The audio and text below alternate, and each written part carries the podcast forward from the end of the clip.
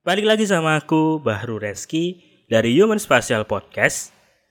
Bagaimana nih kabar teman-teman sekalian? Pasti sedang baik-baik saja kan? Semoga baik-baik aja ya.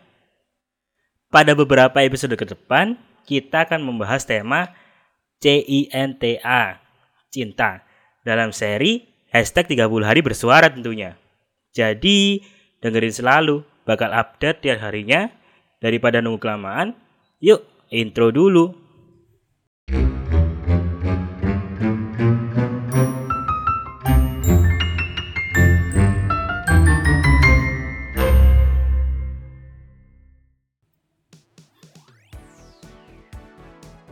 Hmm, bucin.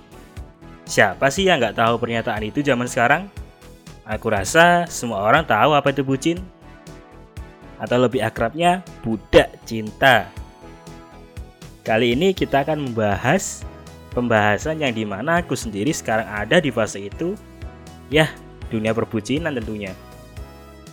Bucin bukan status atau ejekan. Melainkan dalam suatu hubungan, bersikap bucin itu perlu. Karena hal itu yang membuat suatu hubungan menjadi langgeng dan terasa membahagiakan. Kamu dianggap bucin, masa bodoh aja, ini hidupmu, ngapain dengerin omongan orang lain? Kalau memang kamu bahagia dengan hal ini, ya kenapa harus peduli dengan omongan orang lain? Toh yang ngerasakan kita, bukan mereka. Jadilah bucin yang tahu waktu dan kondisi ya. Hmm, bucin profesional lah. Contohnya begini. Jika kamu dengan bucinmu ini sama-sama satu bangku dalam perkuliahan, jadi tahu waktu. Mana waktunya kuliah mana waktunya menempuh pendidikan kerja kelompok dan mana waktunya bucin kalian sendiri.